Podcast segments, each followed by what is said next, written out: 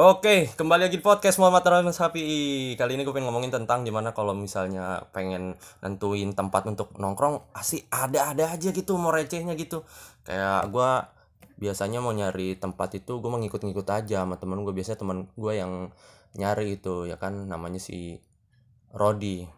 Karena gue kan kerja gitu mau nyari tempat susah. Gue mah cuma bilang kalau gue nongkrong mah nyari yang asik yang nyaman aja gitu. Yang penting ada wifi nya oke tuh di malam minggu akhirnya gue dapat tempat yang bagus gitu di warung bokir.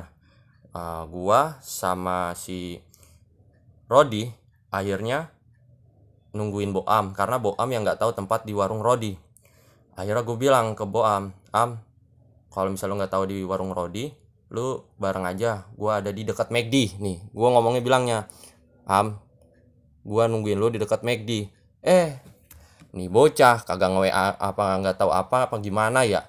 Naik motor Skyweb Matic masuk ke McD ngebut ngelewatin drive thru kagak berhenti. Langsung dengan PD-nya dia parkir standar 2 kekrek. Tukang parkirnya nanya mas mau beli takeaway apa drive thru? katanya.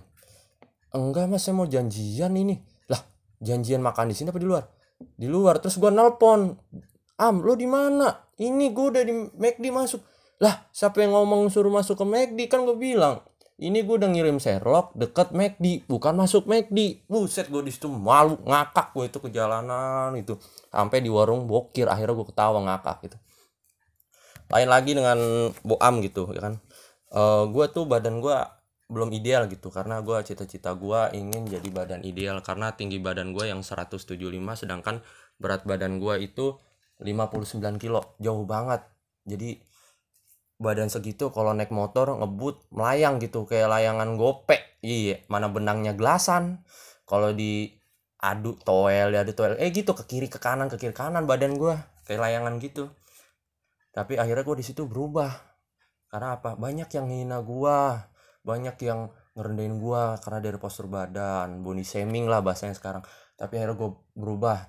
Yang tadinya nggak biasa lari gue akhirnya lari lari dari kenyataan. Iya. Yeah. tapi lari itu nggak cukup rupanya kita harus ganti pola makan kayak pola makan lo yang biasanya gak bergizi jadi bergizi kayak makan gandum terus karbohidrat protein kroto eh oh kroto kroto mah telur semut.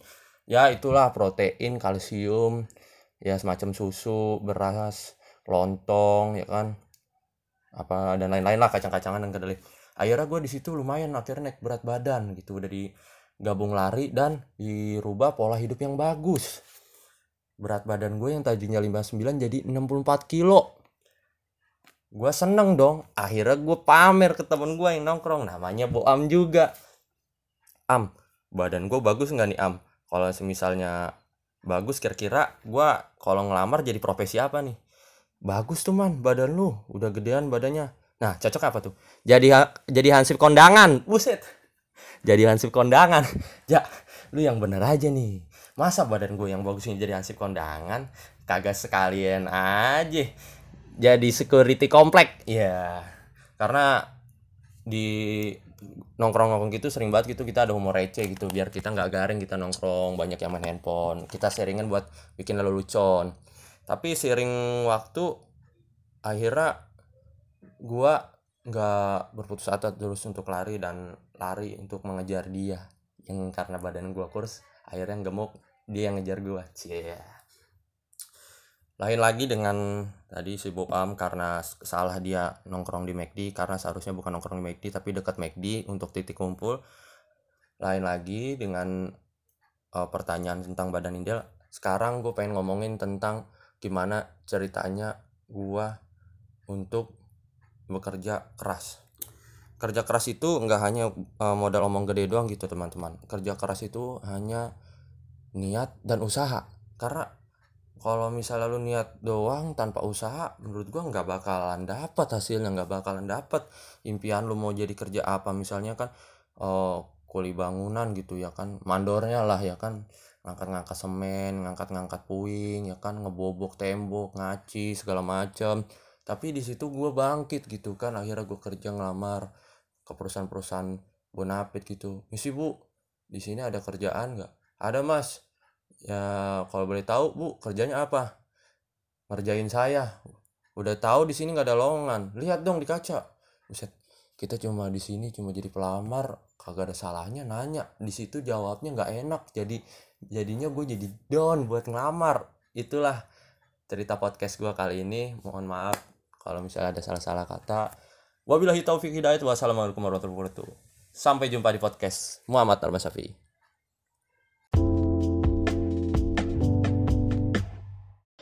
Five, four, three, two, one, go. Yeay, kembali lagi di podcast Muhammad Norman Safi. Kali ini gue pengen ngomongin tentang perjalanan gue pada saat masa-masa gue bekerja. Sebelum dan sekarang. Karena yang pengen gue ngomongin sekarang banyak banget di perusahaan-perusahaan perusahaan-perusahaan yang pernah gue kerja itu pasti ada aja problemnya. Dari yang pertama, gaji delay, kerja bulan ini gaji bulan depan. Yang kedua, ya gaji cepet, gaji ada, loyal, setara sama peraturan. Tapi slip gaji sekarang, gajinya besok pagi. Yang ketiga, pertama masuk baru ditanyain sama leader mau kapan resignnya? Gila lu baru lamar langsung ditanya mau kapan resignnya. Karena yang kita tahu yang gue bekerja sekarang ini kerja berat makanya ditanya dulu mau kapan resignnya udah di perumahan ditanya mau kapan resign di sana mau kapan resign gila loh banyak banget tekanan. Pak kalau mau nyari tes mental. Saya udah banyak pak tes mentalnya. Yang pertama tes mental kerja nombok 600 ribu delay dua bulan. Yang kedua kerja ditanyain kapan resignnya yang di kepingan kerja kapan masa kontrak? Cuma tiga bulan paling udah kelar. Mana taruhnya cuma sepuluh ribu. Hey sepuluh ribu mendingan lu beli rokok sama granita satu. Udah cukup masa mentaroan tapi di situlah gue bisa ngelewatin semua proses itulah ya teman-teman. Dan akhirnya gue mulai bekerja di sebuah perusahaan di Jababeka 2 yang di mana jaraknya 52 kilo. Pulang balik dan gue nggak gue mutusin gue nggak mes nggak ngontrak dan apalah buat nginep gitu. Karena gue lebih milih pulang. Banyak orang yang bekerja itu rata-rata 10 sampai 15 kilo berbeda dengan gue Kadang orang nyapa, woi berangkat kerja nih pak, enak. Iya nih pak, kalau Norman ditanya kayak gitu, nyeleneh, menghina maksudnya itu. Karena apa? Itu bukan bekerja menurut gue jarang itu. Itu dikerjain gue, dikerjain. Jadi kalau ditanya atau menyapa, seharusnya bukan, Hei Norman mau berangkat kerja ya? Bukan pak, seharusnya, Hei Norman udah jadi musafir sekarang. Kerja jauh amat itu. Kagak sekalian bawa ontak ya kasihan banget itu motor itu udah panas. Jadiin aja itu buat masak telur. Aduh. Capek banget gue kerja kayak gitu. Udah masa kontraknya dipertaruhin juga di perumahan buat taruhan. Ya nggak ada habis-habisnya dah. Dan sebelum-sebelumnya pernah gue bikin gondok orang padahal bukan gue yang sendiri yang bikin gondok. Tapi cara gue kayaknya masih gedek kayaknya. Gue juga gedek dia gondok. Gara-gara gue di ajarin sebuah produk knowledge tapi gue nya nggak bisa bisa akhirnya apa? Orang-orang pada ngusuin gue dua orang di dapur. Terus gue nyuruhnya pakai kaki dia nyuruhnya. Gara-gara gue nggak bisa apa-apa. Nih ambil sosis pakai kaki. Gila nyuruh pakai kaki. Di sebuah perusahaan mana? Gondok seorang nyuruhnya pakai kaki. Nggak sekalian aja muka lu gue tusuk pakai tusukan sate biar tahu rasa. Kan nggak mungkin kayak begitu. Karena di sebuah perusahaan apa pun pasti ada yang namanya pelonco kerja. Pelonco kerja itu diciptain itu sengaja ataupun tidak sengaja pasti ada lah. Tapi yang harus diberantasin adalah caranya ya. Cara itu termasuk ngedown bikin down orang dengan resign resign resign resign resign. Padahal cara orang itu dalam cara basa-basi menurutku bukan basa-basi itu. Bikin down seseorang. Dalam cara itu mereka akhirnya resign. Kalau gue aja banding laju banding gue akhirnya membuat orang memutusin kontrak kerja gue aja akhirnya. Dikat gue akhirnya. Nggak masalah. Umur gue yang masih muda ini gue masih bisa kok nyari kerja apa pun yang benar-benar pas di posisi gue dan pas latar belakang gue yang gue ingetin sekali lagi akhirnya gue cerita kayak gini-gini banyak orang bilang bersyukur. Bersyukur itu pasti ada yang namanya terikat. Bersyukur itu ada tingkatannya teman-teman. Bersyukur itu atas nama apa? Bersyukur atas gaji bersyukur atas pekerjaan. Nah ini yang gue bilang bersyukur atas pekerjaan.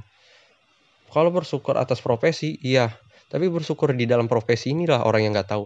Setiap profesi, eh, profesi ini ada yang namanya problem. Setiap setiap orang bekerja pasti ada namanya problem.